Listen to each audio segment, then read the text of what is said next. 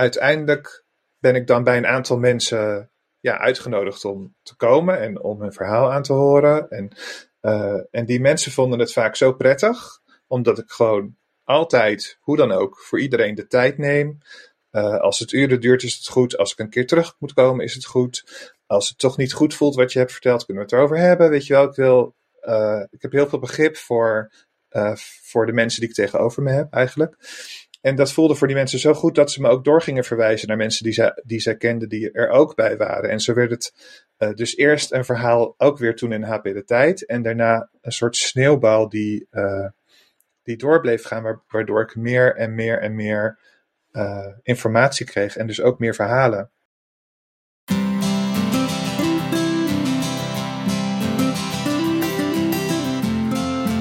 Hoi, welkom bij Schrijfpraat, de podcast. Wij zijn Emmy en Kim en in deze podcast praten wij over schrijven en over alles wat daarbij komt kijken.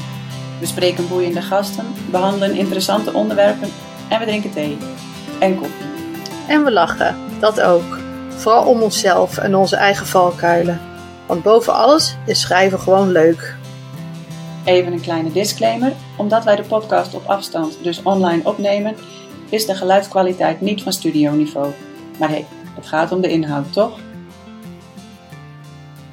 Hoi, welkom terug bij Schrijfpraat.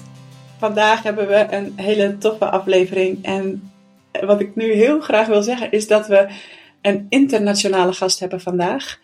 Um, onze gast van vandaag is namelijk uh, in Frankrijk. En uh, het is Ivo van Woerden. Ivo is uh, journalist en schrijver. Hij schrijft als journalist voor verschillende kranten en, en magazines. En hij schrijft ook verhalende non-fictie. Uh, maar Ivo, misschien kan je daar zelf uh, het allerbest even iets over vertellen. Ja, hoi vanuit Frankrijk. In de eerste plaats. En wat leuk dat ik, uh, wat leuk dat ik bij jullie mag, mag vertellen over mijn werk. Um, ja, ik maak verhalende non-fictie. Dat betekent dat ik meerdere boeken heb geschreven waarin een waar gebeurd verhaal van A tot Z uit de doeken wordt gedaan.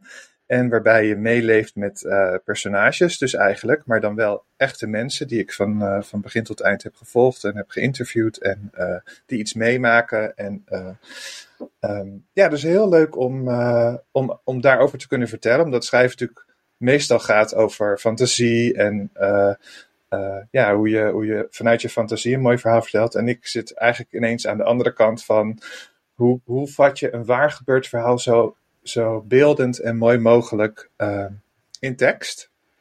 Oh, zal ik nog vertellen waarom ik in Frankrijk zit? Voor het geval jullie denken van, uh, is die even gauw daarheen gegaan om een beetje cool te doen? Maar um, ik, ik woon en werk hier. Nou ja, goed, ik, ik ben hier de meeste van de tijd. Ik heb een klein huisje hier met uh, man en dieren.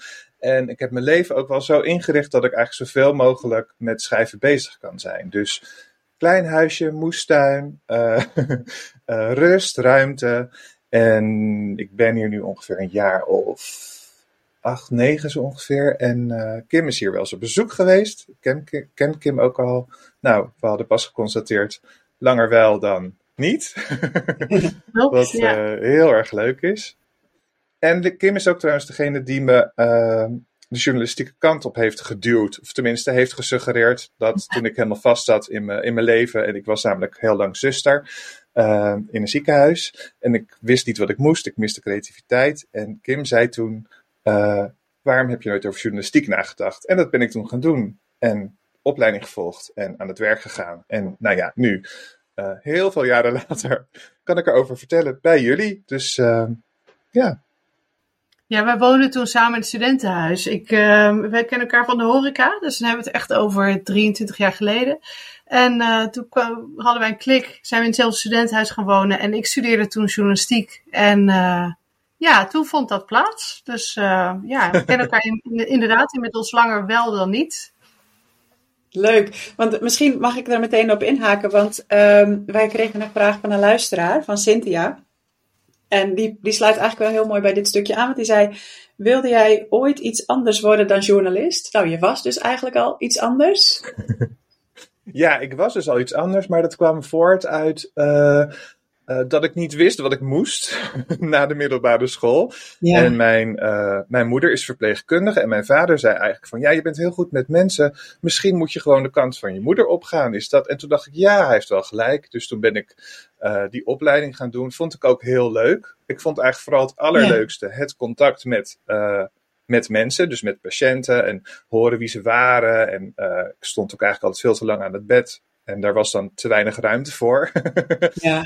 um, en uh, ik, ik, ik heb op de middelbare school ook veel cabaret gedaan. Dus ik dacht eigenlijk dat, uh, dat mijn creativiteit, dat ik die, dat kwijt moest op een podium.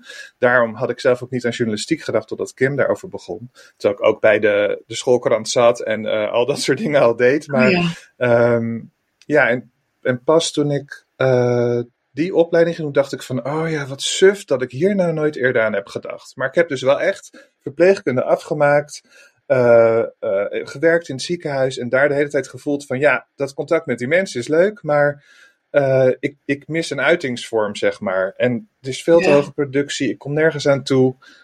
wat nu of zo? En toen ben ik dus een andere opleiding gaan doen. Ja, en je hebt natuurlijk later ook um, dat boek Undercover in de ouderenzorg, waar, waarbij je die twee uh, opleidingen hebt gecombineerd. Dus uh, waarbij je eigenlijk de, hoe, hoe, zeg ik dat netjes, de, de toestanden in de zorg uh, in, het licht, aan, in het licht zet. Is dat een uitdrukking? Ja. Aankaart in ieder geval.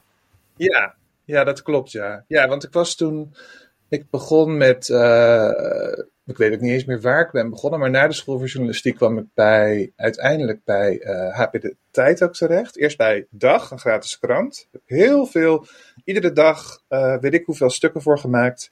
En uh, toen ben ik gaan freelancen en toen kon ik gaan werken bij HP De Tijd, wat geweldig was. Um, en toen wilde ik eigenlijk mijn diploma, mijn, mijn verpleegkundige diploma, verliep. Ja. En ik wilde heel graag dat nog kunnen gebruiken ergens voor. Dus ik ben eerst me gewoon gaan aanmelden bij een aantal instellingen van, nou, ik heb dat diploma, ik wil er heel graag over schrijven, want wanneer komt het voor dat, uh, dat ja, iemand zowel zeg maar, kan schrijven als het werk kan verrichten. Dus dan kan ik van binnenuit vertellen uh, hoe de zorg er nu voor staat. Ik hoorde al wel om me heen dat het niet heel, heel jovel was. en, uh, en dat werd eigenlijk op alle kanten werd dat soort van afgewezen van, nou, je mag wel een dagje meekomen lopen. Uh, en dan natuurlijk in de nieuwste instelling die ze net hadden geopend, of nieuwste, nieuwste locatie, weet je wel. En toen dacht ik van, ja, maar dan krijg ik dus niet het echte verhaal. Toen heb ik me inderdaad ja, aangemeld, gewoon als zuster. en heb ik een dagboek bijgehouden. En dat dagboek is mijn allereerste boek geworden, inderdaad.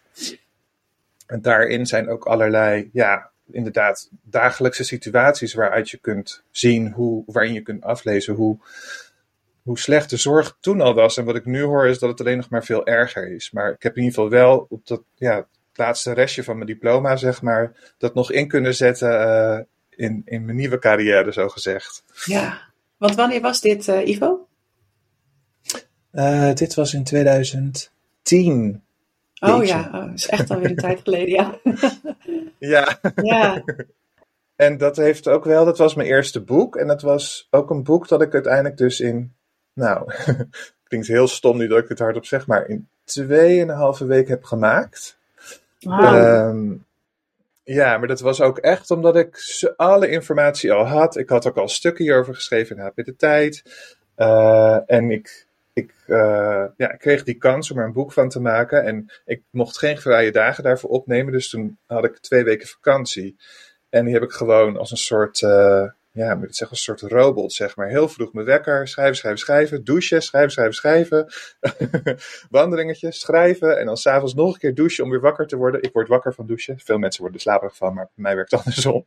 En uh, dus echt tot s'avonds laat en uiteindelijk had ik dan een eerste versie en dat was in ieder geval genoeg om uh, uh, mee verder te gaan. En nou ja, dat boek heeft gelukkig ook wel veel veroorzaakt. Ik mocht zelfs naar Den Haag ook om in de Tweede Kamer erover te vertellen, of bij een Tweede Kamercommissie over zorg. Dus ja, het voelde toen wel alsof ik in ieder geval alles met dat onderwerp ook had gedaan wat ik op dat moment in me had. En, um, en ook wel weer, dat is wel gek, ik weet niet of jullie dat ook hebben, dat als je dan op een gegeven moment klaar bent met een onderwerp, dat je stiekem al wel weer verlangt naar iets heel anders of zo. Dat je zelf al alles weet en dan dan moet je het eigenlijk allemaal nog weer gaan vertellen en vertellen en vertellen. En nou, dat heb ik wel zoveel mogelijk gedaan toen over de zorg, maar uh, was ook heel erg klaar voor iets anders. Dus daar, daarna is het ook weer meer verhalend geworden. Ja, want dit is echt een beetje. Is het boek ook in dagboekvorm gebleven, zeg maar? Of is het uh, wel een andere vorm? Heeft het een andere vorm gekregen? Nee, het is juist een dagboekvorm geworden. Dus ik had eerst twee, grote, uh, twee grote stukken gemaakt, algemene stukken, zeg maar, voor HP de Tijd. En omdat ik dus iedere dag die ik had gewerkt, van begin tot eind een dagboek had bijgehouden, uh, om later dan een soort ja, geheel van te kunnen maken in die, in die artikelen, had ik al dat materiaal liggen en kon ik ook eigenlijk veel beter, vond ik zelf, uh, laten zien ja, hoe dat is als je dus uh, als verpleegkundige in mijn geval uh, die wereld weer instapt. Ik had er ook een aantal jaar niet in gewerkt. Dat had ik ook verteld bij mijn sollicitatie toen. Van, uh, nou ja, ik, ik heb een tijdje er niet, maar ik mis het. En zou ik terug kunnen? En toen keek ze naar mijn diploma en ik was nou ja, een soort godsgeschenk, want ze kwamen heel veel mensen tekort toen al. Dus ze zeiden gelijk van, ja, ja, je kan wel manager van een afdeling worden. Terwijl ik echt dacht van, ja, maar wacht eventjes. Uh, ik heb het jaren niet gedaan. Dit is helemaal niet verantwoord, weet je wel. Dus ik heb zelf nog een beetje op de rem gestaan. Van nou, zal ik niet eerst gewoon eens kijken. En niet eerst eens even weer voorzichtig beginnen. En, uh, en dus daar, daar zijn ze toen in meegegaan. En hebben me dus ook de ruimte gegeven. Uh, om, ja, om gewoon dus eigenlijk met aan het bed, zeg maar, weer mee te kijken. Van hoe gaat het daar? En ja. En zijn het dan niet, ik vraag me af, uh, zijn het dan niet ook nu, of toen, toen dat boek net uit was, instanties die, dan wel boos op je zijn geworden? Vraag ik me af. Ja, oh mijn god, toen, toen ik dat dus had gedaan, want het is heel erg, gaat eigenlijk heel erg tegen mijn natuur in om te liegen. Vind ik heel erg moeilijk. en, uh, maar ik deed dat dus wel. En het gekke was, het was eigenlijk heel makkelijk, want toen ik eenmaal binnen was en aan het werk was, zeg maar, er was, zo'n groot verloop van collega's dat ik, ja, ik hoefde mijn naam eventjes te zeggen of zo. En wat ik dan, waar ik voor was ingeroosterd, daar werd ik dan vanzelf wel een beetje wijs in gemaakt. Maar uh, mijn collega's stelden dus niet heel veel vragen en ik kon ook gewoon vertellen van, uh, nou, dit heb ik dit weekend gedaan, hoefde ik ook allemaal niet over te liegen. Um, maar toen het stuk natuurlijk uitkwam, moest ik wel de instelling bellen en zeggen van nou, ik wil graag ja, dit aan jullie voorleggen. Ik heb dit allemaal bij jullie gezien en ik wil een reactie daarop. Nou, toen waren ze dus heel erg boos. Um, en uh, ook mijn collega's voelden zich, uh, nou ja, kan ik me voorstellen, ja, een soort genaaid. um, ja. Maar wat ook wel grappig was, is dat ik er is toen een avond geweest in Rotterdam waarin ik dan uh, ook mocht vertellen over wat ik had gezien. En toen waren er dus ook mensen van die zorginstelling gekomen die me juist zeg maar aanmoedigden, die heel blij waren met wat ik had uh, aangetoond. Ik had ook al mijn collega's een andere naam gegeven, zeg maar. Mm. Dus het eigenlijk ook aan die, in het verhaal, omdat het me niet een persoonlijke, ik wilde niet een persoonlijke aanklacht aan deze mensen maken die al keihard werken en alles deden wat, wat, wat er gedaan moest worden. Met het beetje tijd en, uh, en ruimte die ze hadden. Uh, ja. En sommigen voelden zich dus alsnog een soort van, ja, maar ik ben wel herkenbaar. Maar ik dacht, ja, maar het is aan jou of je jezelf kenbaar wil maken. Van, ik ben die en die persoon in het boek. Dat is dan in ieder geval een keuze die zij maken en niet iets wat ik voor hen doe. En daarmee kon ik dat voor mezelf ook verantwoorden. En later hebben ze ook wel, ook wel gezegd van, dat ze begrepen wat ik had gedaan en waarom. En nou ja, ik hoopte natuurlijk vooral dat de situatie voor voor, voor hen en ook voor de mensen in die tehuizen waar ik was geweest zou verbeteren aan de hand van het boek. Maar ja, je doel is natuurlijk nooit geweest om mensen voor gek te zetten. Je doel is geweest om de nee. situatie te verbeteren. Dus ja. Ja, of in ieder geval te laten zien wat die situatie dan is. Weet je wel? Ja. Dat, ja, en dat die verbeterd moest worden, dat bleek wel inderdaad. Omdat er heel veel dingen ja, ja gewoon gevaarlijk waren en misgingen. En uh, nou ja, dus. Maar goed, het was wel een heel spannend boek. Ook omdat je dus, nou ja, wat, ja, wat ik net al zei, het zit niet in mijn natuur om uh, te liegen. En, uh, en dat ja, moet je dan natuurlijk wel, zeg maar, aangaan dat je dat toch doet. En, um, en dus ook, zeg maar, de boosheid van al die mensen over je heen krijgen, vond ik ook echt heel heftig. Ja. En begrijpelijk ook. En, maar nu ik er naar terugkijk, denk ik van, ik ben heel blij dat ik dat gedaan heb. En dat ik in ieder geval in dat moment iets heb kunnen doen met dat eerste diploma dat ik had en het tweede dat ik had gehaald. ja. En uh, ja, en zo hopelijk ook iets heb kunnen betekenen voor, uh, voor, die, voor eigenlijk iedereen in de zorg. Maar goed, dat is misschien uh, ook wel heel, heel veel gevraagd. Ja, ja en ik, ik vroeg me even een beetje af, hè, want jij vertelt van ik wilde eigenlijk uh, artikelen schrijven en uiteindelijk is het een boek geworden. Was het jouw eigen idee om daar een boek van te maken of kwam iemand anders met dat idee? Ehm, eigenlijk iemand. Het was een beetje van beide. Want oh ja. bij HP De Tijd uh, werkte een journaliste, Karen Geurtsen, en die had undercover bij de PVV gezeten. Oh. Uh, en daar was ook een dagboek van uitgebracht. En ik was eigenlijk degene die na haar undercover ging ja. uh, om iets te laten zien. En dat was dus ook het, het korte lijntje naar de uitgever. Uh, ik had ook wel aangegeven, volgens mij heeft zij het boek samen met Boudewijn Geels gemaakt. En ik dacht Boudewijn Geels uiteindelijk degene is die het contact legde met die uitgeverij. Of andersom, dat weet ik niet meer. Maar in ieder geval heb ik ook zelf gezegd van, zit hier niet een boek in of ik wil hier ook een boek van maken. Ook omdat ja. ik zoveel informatie had. Uh, en zoveel had geschreven al, weet je wel. Dus... Uh, maar dat is dus eigenlijk heel gek, is het uh, heel, heel vlug. Want mensen moeten meestal eindeloos strijden om ergens binnen te komen. En ik heb in die zin dus eigenlijk ook heel erg geluk gehad om uh, ja, zo'n plekje te vinden. Ja, ja, want had je er eerder al wel eens over nagedacht om, om boeken te schrijven? Ja, maar eigenlijk meer op een fictiemanier. Dus mijn oh ja. droom was en is misschien nog steeds wel, om uh, vanuit mijn fantasie te schrijven. Journalistiek zag ik uh, ook door de tip van Kim toen als een soort hulpmiddel om die creatieve uitlaatklep te ontwikkelen en te vormen. En, um, en uh, ik dacht van, oh ja, als ik dat dan eenmaal op de rit heb en het beter begrijp en het beter kan. Ik ben ook eigenlijk heel slecht in dit soort vaardigheden leren. Voor mij is heel veel ja, gewoon intuïtie. Um, dus ik dacht, als ik het maar gewoon vaak genoeg doe en vaak genoeg herhaal en vaak genoeg uh, begrijp eigenlijk op een gegeven moment wat ik aan het doen ben, dan kan ik ook andere vormen aangaan en, uh, en dat veel breder voor mezelf maken. Ja, ja want toen uh, volgden er nog veel meer boeken, toch? Ja, ja, precies, ja. En allemaal wel een beetje in de hoek van onderzoeksjournalistiek? Ja, dus eigenlijk waar ik als ik, nou ja, door deze podcast moest ik ook een beetje terugdenken van ja, wat doe ik nou eigenlijk? en het, het, het komt er toch wel op neer dat ik altijd reconstructies maak, grote reconstructies. Ja. Um, en daar is onderzoeksjournalistiek voor nodig. Dus dat betekent dat je ergens naar een plek toe gaat waar iets is gebeurd. Bijvoorbeeld waar je dan mensen interviewt, vraagt wat zij hebben gezien, waarvoor je de archieven induikt, waarvoor je documenten probeert uh, in handen te krijgen als er, als, ja, hoeft niet altijd, maar uh, dat, dat hoort daar ook bij. Uh, online onderzoek doet, experts raadpleegt, ga maar door. En daar een geheel van maakt. En ja, dus dat ben ik na de, de ouderenzorg. Dat was natuurlijk eigenlijk een reconstructie van mijn eigen tijd in de zorg. Ben ik naar iets heel anders overgestapt. Dat is dan meer de verhalende non-fictie. Dus heb ik het boek over het schietincident in Alfa aan de Rijn gemaakt. Um, waarbij ik door de ogen van de mensen die erbij betrokken waren, het hele, het hele schietincident heb gereconstrueerd. En daarna ook heb geprobeerd te volgen van uh, hoe gaat het daarna met ze. Dus eerst wat, wat komt er allemaal wel niet op gang als één iemand besluit om met een geweer een winkelcentrum in te lopen en zoiets bizars te doen? Wie, wie zijn daar het slachtoffer van en hoe gaan die slachtoffers daar dan eigenlijk mee om? Uh, en daar zit dan natuurlijk ook weer een veel groter thema onder. Dat is gewoon hoe ga je om met, uh, met onverwachte gebeurtenissen in je leven. Uh, maar dan natuurlijk wel in het extreme. Uh, ja.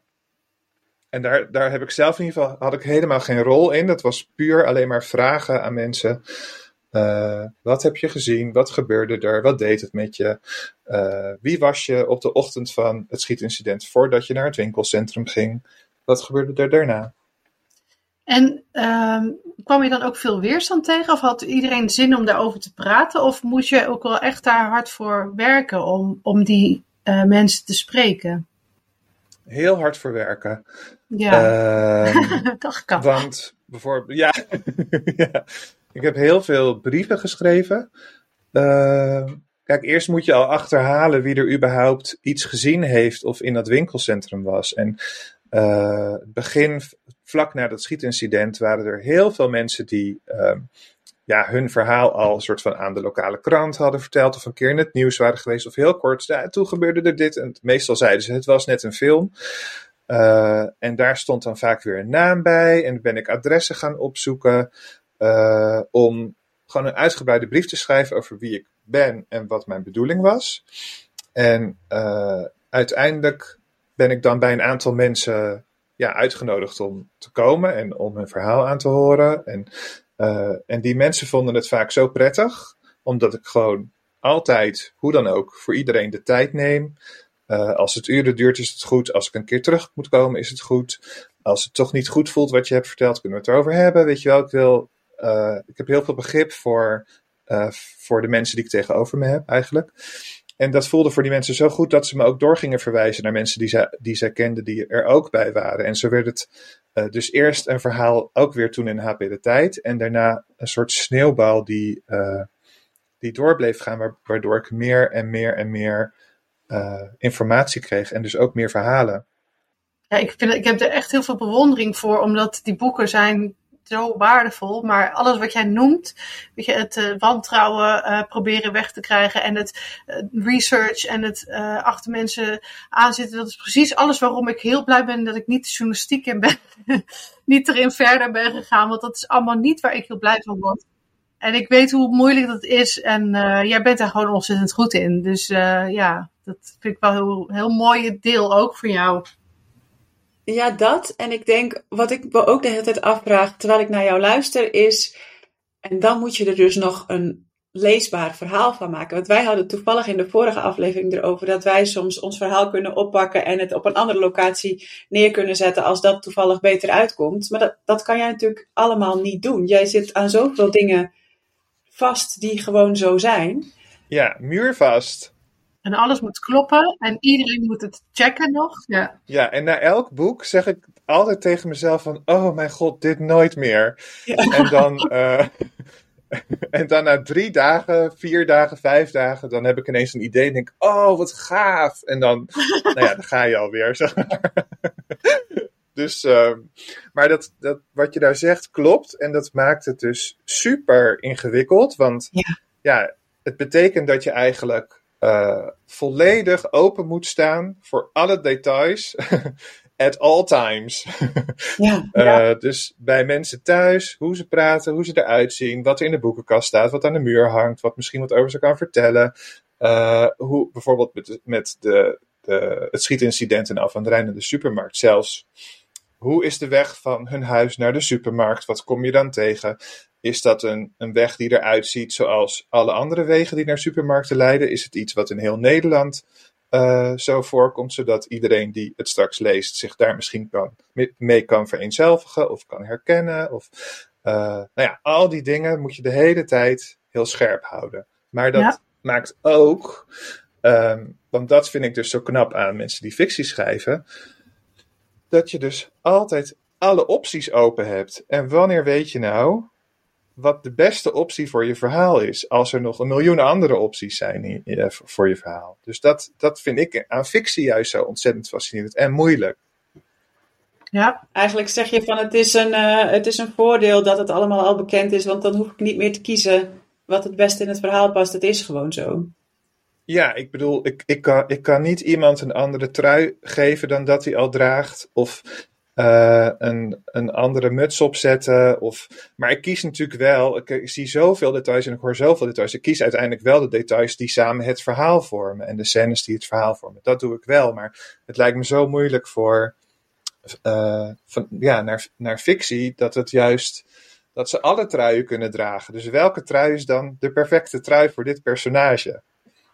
Nou ja, het grappige is dat ik, daar hadden we het met uh, Kathleen over, dat ik mag het geen uh, beperkingen meer noemen, maar richtlijnen. Dat je dus ook bij fictie uh, een soort richtlijn kunt kiezen wat jou minder mogelijkheden geeft. Dus alsnog kun jij ervoor kiezen dat hij nou eenmaal een rode trui aan heeft, ook al vind je rood niet mooi, of ook al is het niet handig of past het niet bij zijn kleur haar. Je kunt alsnog natuurlijk kiezen voor bepaalde details. Maar ik snap wel wat je bedoelt hoor, dat het Ehm, ja, dat, bij jou is het vooral het, het, de feiten neerpennen.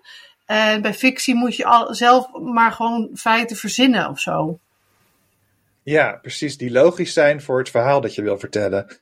En, Ja. en voor mij geldt dus eigenlijk, ik moet het verhaal destilleren uit alle waar gebeurde feiten die ik gevonden heb. Ja, Ja, ik vind het heel erg leuk om een reconstructie te maken van iets waarvan ik misschien nog niet weet wat er gaat gebeuren. Want dat is een later boek eh, wat ik heb gemaakt. Daar kwam ik erbij en wist ik nog niet wat het einde van het verhaal ging zijn. Ehm, eh, en eh, het, het, het is dus ook heel spannend, wil ik maar zeggen, om eigenlijk die volledige waarheid te proberen te vangen en te vatten en zo goed mogelijk weer te geven.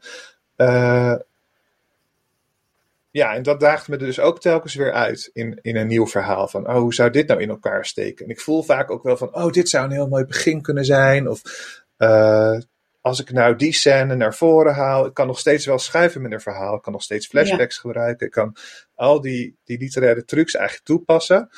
Ehm, maar ja, het moet wel van A tot Z altijd kloppen. En dat is soms ook heel frustrerend. Hey, je zei net dat, je, eh, dat er dus een verhaal is waar je toen het nog niet afgerond was bij betrokken werd, maar je viel een klein beetje weg. Maar ehm, kun je daar meer over vertellen? Welk verhaal is dat?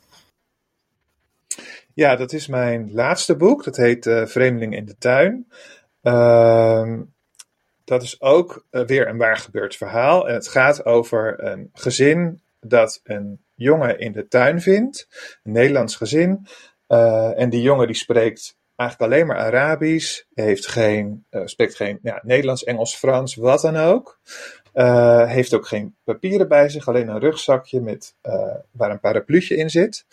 En, ehm, en zij besluit om hem ja, te gaan helpen. Te, eerst te gaan achterhalen wie is deze jongen? Hoe komt hij hier in de tuin? En ook, ja, wat doet hij hier? En kunnen we hem niet gewoon helpen? Want wij hebben eigenlijk een heel goed leven en we hebben een groot huis. Nou ja, wat, wat gaat er dan gebeuren of zo? En, ehm, en ik kreeg een mail. Uh, dit is ook heel bizar hoe het soms werkt, maar hier in Frankrijk, in the middle of nowhere.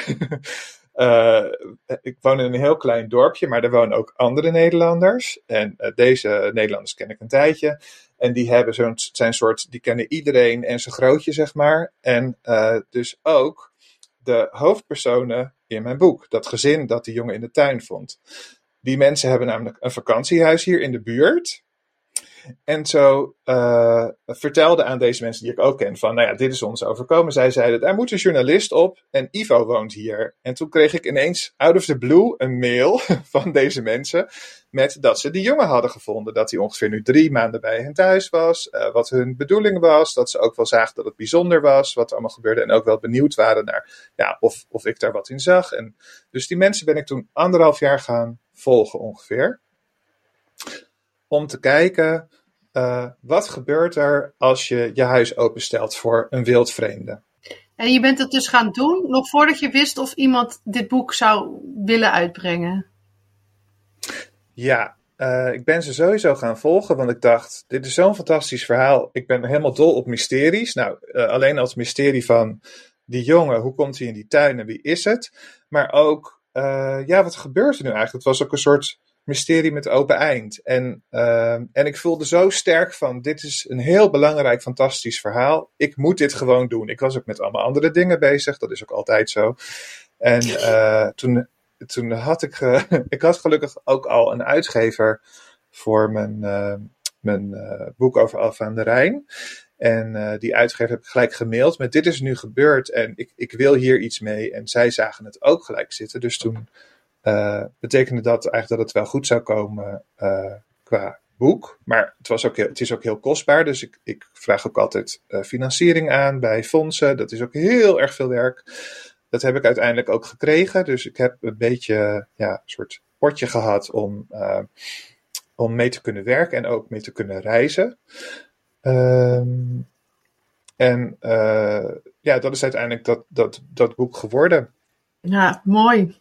Ja, en ook, uh, ja, het is een heel, ik vind het dus ook weer een heel belangrijk boek. Alleen wat er zo gek aan is, is, het gaat natuurlijk eigenlijk over migratie, weet je wel. En dat is dan zo'n vreselijk beladen onderwerp. Um, waar je gelijk dan waarschijnlijk denkt van, oh ja, als je het in de krant ziet, ik sla de bladzijde om of zo, of ik weet het allemaal wel. Of... Dus wat ik zo moeilijk vond, was dat ik met een onderwerp bezig was dat eigenlijk, waar iedereen een mening over heeft, maar waar misschien niet heel veel mensen zich voor interesseren om, om dan een heel boek te gaan lezen of zo. En ehm, daarom heb ik geprobeerd om het, ja, om het eigenlijk vanaf het begin al uh, met een soort proloogje in ieder geval open vorm te geven en heel menselijk vorm te geven. En ook om de basisgedachte dat een migrant er, niet op uit is om jouw baan te stelen, zeg maar, maar meer van die heeft hoop op een bepaald soort leven en die gaat die hoop ergens zoeken. Uh, en um, ik heb het zelfs verbeeld met een, ballonnetje van hoop dat hij volgt, dat je oplaat en dat je dan volgt uh, tot het ergens neerkomt. En daar, uh, ja, daar, daar blijf je dan achter of zo. Um, ja, en dat, het is een boek waar ik uiteindelijk heel erg trots op ben. En wat eigenlijk ook alweer een paar jaar geleden is. Ik was daarna ook alweer klaar voor iets anders. ja. En uh, nee, dit boek heet uh, De Vreemdeling in de Tuin, toch? En um, ja. ik heb begrepen dat je er ook wel uh, een stukje uit wil voorlezen, toch? Oh, dat je in ieder geval ook wilde hebben over hoeveel research je daarvoor moest doen voor de eerste bladzijde. Ja, dat is goed. Zal ik, zal ik dat nu doen? Ja? Oké. Okay. Okay, ik weet niet of je vooraf nog wat wil vertellen erover, of, of je kunt gewoon beginnen, wat jij wil. Nee, laat ik maar gewoon vertellen, inderdaad. Ja.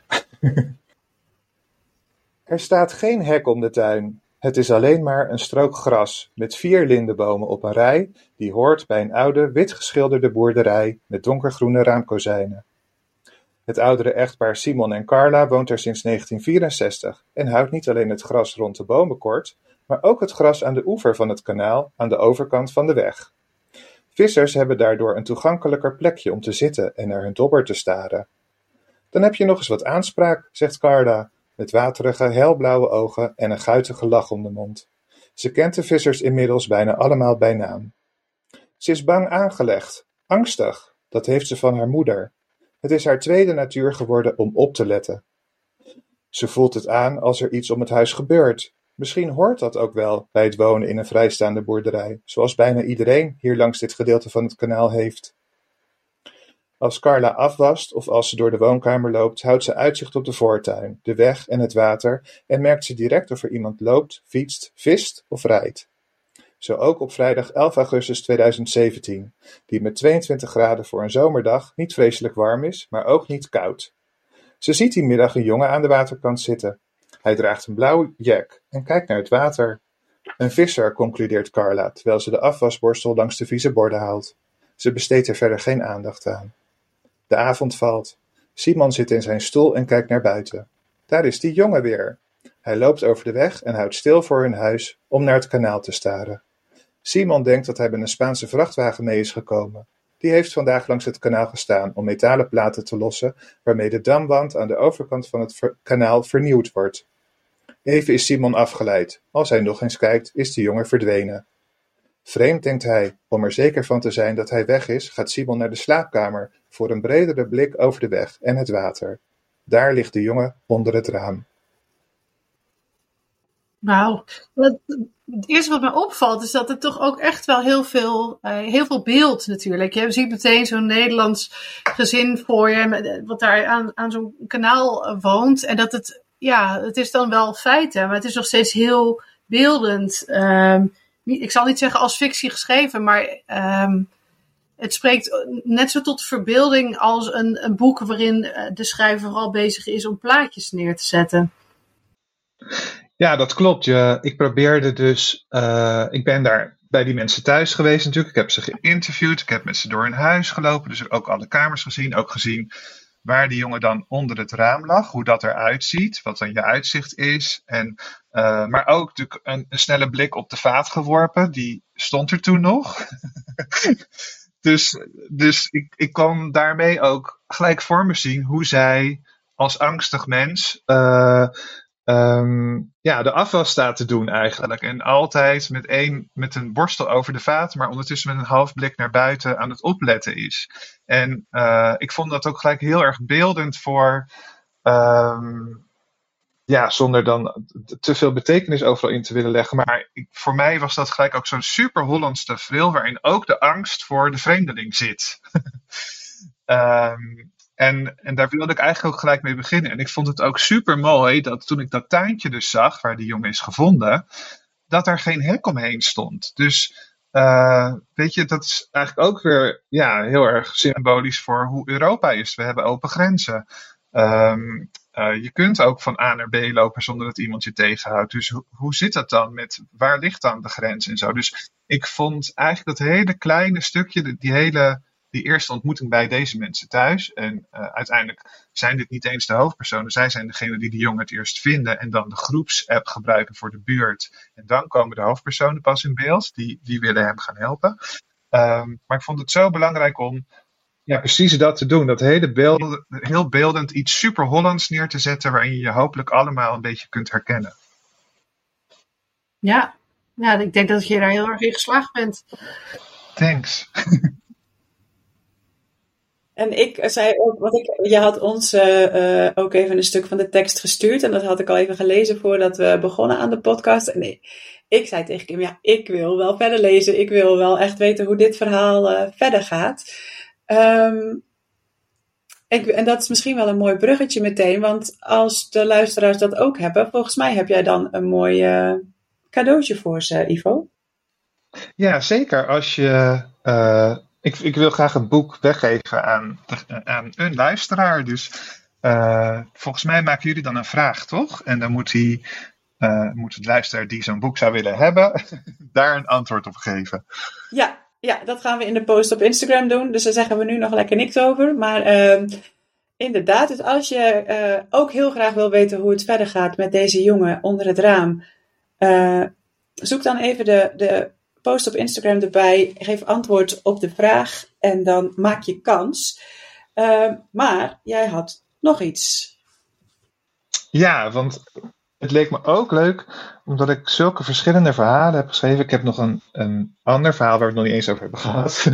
uh, dat heet The Great Mark Evers. Dat heeft een Engelse titel, maar dat is een Nederlandse journalistieke novelle, Nederlandstalig, uh, over een jongen uit Hillegom die uh, toen hij twee was uh, eigenlijk afgeschreven werd door de psychiatrie, omdat hij helemaal niets kon en alleen maar kon schreeuwen. En uh, zijn ouders moesten hem maar in een, in een instelling stoppen. En die ouders die hebben daar niet voor gekozen, want die wilden de hoop op een toekomst voor hun kind zich niet laten ontnemen. Dus die zijn hun eigen weg met hem gaan zoeken. En hij bleek een enorm zwemtalent te hebben. En uiteindelijk is hij ja, uitgegroeid tot een van onze grootste Paralympische zwemkampioenen.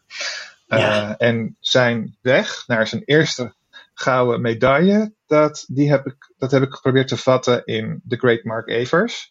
Um, en het leek me ook heel leuk om als mensen daar uh, dat zouden willen lezen, om uh, daar ook een exemplaar van weg te geven. En dan moet je je even inschrijven op mijn nieuwsbrief. Voor 1 januari. Ja, leuk, voor 1 januari. Superleuk. En dan verloot ik hem onder de nieuwe inschrijvers. Ja. nou, dus twee cadeautjes van Ivo.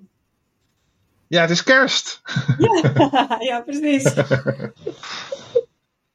Want je hebt ook een uh, artikel over Mark geschreven en een blog. Uh, die had ik even gelezen en ik vind dit ook weer. Want jij zegt ik schrijf heel veel verschillende verhalen, maar jouw verhalen hebben wel altijd heel veel uh, menselijks in zich, heb ik het idee. Um, ja. En dat is met het verhaal van Mark ook weer. Ja, ik, ik kom uit de hulpverlening en ik kan er echt met mijn verstand niet bij dat zo'n psychiater dat dan zegt. En ergens denk ik, het heeft misschien die ouders ook wel aangemoedigd om juist een stapje extra te zetten van ik zal jou wel eens even laten zien uh, dat je er uh, flink naast zit, meneer de psychiater of mevrouw de psychiater. Um, ja. Maar dat is, dat is ook weer zo'n verhaal dat je denkt, Wauw. Hoe kan het? Ja, ja, nee, ja, ik was ook, was ook zoiets dat, dus ik deed onderzoek voor Vrij Nederland naar de tabaksindustrie. en uh, de vader van, van Mark Evers, die uh, heeft een tabakswinkel. En die uh, was heel erg uitgesproken tegen de tabaksindustrie, of tenminste had daar allerlei acties voor ondernomen. En die vertelde dus terloops over zijn geweldige zoon. Dus toen had ik door een inwendige van oh mijn god, dit, dit verhaal is zo fantastisch. Dit moet opgeschreven worden. Ik ga dit doen. Ja. Ehm, en dat was eerst inderdaad een digitale longread uh, voor uitgeverij van Fosfor. En uit, daarna is het nog als een boek uitgegeven door Querido. Die, dat is dan heel vreemd gegaan. Die hebben Fosfor uiteindelijk overgenomen. Dus toen is het ook een papieren boekje geworden. En nu ben ik bezig met een striptekenaar uh, en een inkleurster. Uh, om er een stripboek van te maken. Omdat um, Mark Evers is, uh, heeft een autisme spectrumstoornis en is verstandelijk, heeft een verstandelijke beperking. En eigenlijk juist lezen is heel ingewikkeld voor mensen als Mark. Dus um, uh, ik woonde een lezing bij over, dat heet nu graphic journalism. Dus hoe je een journalistiek verhaal in beelden kunt verwoorden. En toen voelde ik weer helemaal van, oh mijn god, het verhaal van Mark is super geschikt voor een uh, beeldverhaal. En ook heel belangrijk, omdat we daarmee de mensen die, waar het om gaat, dan eigenlijk veel beter kunnen bereiken. Dus uh, daar ben ik dan nu ook mee bezig. Om te helpen in ieder geval. Ik bedoel, ik teken zelf niet, maar ik denk heel graag heel actief mee. Ja. En het is ook weer een super leuke manier om over verhalen vertellen na te denken. Want hoe zet je dit om in beeld? Ja, heel bijzonder. Ik blijf wel een beetje hangen op een, een inkleurster. Ik heb nooit geweten dat dat een. Uh... Nee, dat wist ik ook niet. Maar het is echt, echt wel heel bijzonder dat uh, zij, zij heet Marloes Dekkers en zij uh, heeft ook een prijs gewonnen voor haar inkleuringen. Okay. of, het heet ook een colorist. Um, en je, moet, je zou even kunnen kijken op mijn website, als, als luisteraars dat ook leuk vinden. Daar heb ik een stukje over dat het een stripverhaal wordt. Maar daar zie je dus haar proces. Dus zij neemt eigenlijk een kale tekening. En je ziet het dan hoe ze, hoe ze dat inkleurt. En dat dat ook echt een kunst is eigenlijk. Dus, ja, ik kan me voorstellen dat die, dat, dat, dat, dat zo'n tekening ook tot leven wekt of zo. zo ja, hoe je dat precies, inkleurt. ja. Je denkt dan misschien, nou ja, met een beetje blauw en een beetje rood en een beetje geel en zo. En dan ben, maar dat, dat is natuurlijk niet zo. Dat, Ja, we hebben het er ook echt over, want voor Mark betekent het water uh, een veilige plek. Dus dat kun je natuurlijk ook in kleur proberen uh, over te geven. Voor hem is de wereld buiten het water heel druk en heel veel prikkels en heel onoverzichtelijk en chaotisch. Maar in dat water komt hij tot rust en daar vindt hij eigenlijk zijn kracht. Dus hoe dan maak je dat water niet rood. Snap je? Nee, en, nee. Misschien ook niet, en misschien ook niet helemaal blauw. Dus zij is ook heel erg aan het nadenken van met welke kleuren beelden we dat dan zo mooi mogelijk uit. Dus het is echt super interessant om ja, dat ene verhaal, dat gekke moment met die tabakswinkelier, Ja, zoveel jaar later uh, op deze manier weer te kunnen, ja, opnieuw te kunnen helpen vertellen. Want ik bedoel, ik, ja, ik heb het meeste werk al gedaan natuurlijk. Maar mooi. Ja, heel bijzonder. Ja, En eh, Ivo, ik- ik kan uren met je kletsen. Ik raak nooit uitgepraat met jou. Eh, maar eh, als ik naar de tijd kijk, moeten we misschien een beetje eh, gaan afronden. Ehm, en ik had nog, eh, wij vragen altijd aan iedereen of je nog een je ultieme schrijftip hebt voor onze luisteraars. Heb je die toevallig? Ja, daar heb ik ook over nagedacht. Ehm, eigenlijk is de ultieme tip het gewoon doen. En ik weet, ik kan me voorstellen dat het een extreme open deur is. Maar eh, vanuit mezelf gedacht, ik ben heel goed in dus eh, een verhaal helemaal voor me zien. En, eh, en ik zie het ook zelfs al in de winkel liggen. En dan ben ik gelijk al zo moe van het idee dat ik het allemaal nog moet gaan uitzoeken. En zo dat ik dan maar op YouTube naar stomme filmpjes ga zitten kijken. Ehm, en dus het enige wat je kunt doen is, is je eigen, niet meer je eigen vijand zijn en gewoon beginnen. En ook, het hoeft ook niet in de winkel te eindigen. Gewoon schrijven als uitlaatklep is al echt heerlijk. Het geeft vorm aan wie je bent, aan de wereld om je heen. Je kunt er alles mee kwijt. Uh, dus gun het jezelf ook om het gewoon te gaan doen. mooi. Ja, mooi. Ja, daar ben ik het helemaal mee eens ook. Nou, gelukkig. Nee, ja, ik zou ook nog wel heel lang naar je willen luisteren. Ehm, want ik, denk, ik heb ook nog wel heel veel vragen. Maar eh, ja, de, we zitten een beetje met de tijd inderdaad. Ehm, dus ik denk dat we, dat we het hier moeten gaan afronden. Is er nog iets, Ivo, wat jij nog uh, kwijt wil? Wat jij nog graag wil vertellen? Nee, ja, ik vind het ook heel erg leuk, merk ik nu, om erover te vertellen. Dus ik hoop niet dat ik een soort lawine ben geweest waar iedereen nu in is verdronken. Uh, maar als je nog vragen hebt, uh, uh, je kunt ze ook gewoon direct aan me stellen op Instagram of mail ze. Of, en misschien moeten we volgende kerst gewoon nog een keer afspreken. Dan ja. hebben we het over andere dingen. ja, doen we. Ja. Leuk. Nou, ik wil je in ieder geval heel erg bedanken voor je verhaal. Ik vond je geen lawine. Of althans, dan hou ik vanaf nu van lawines. heel erg bedankt dat je er wilde zijn. En uh, ja, heel veel, uh, heel veel succes met, met wat je allemaal nog gaat doen. Ik ben benieuwd wat er nog gaat komen. Dankjewel. En heel erg graag gedaan. En ik blijf lekker naar jullie luisteren ook. Dat is heel goed. Yay! Ja, heel goed. Oké, okay, dankjewel. Tot volgende week.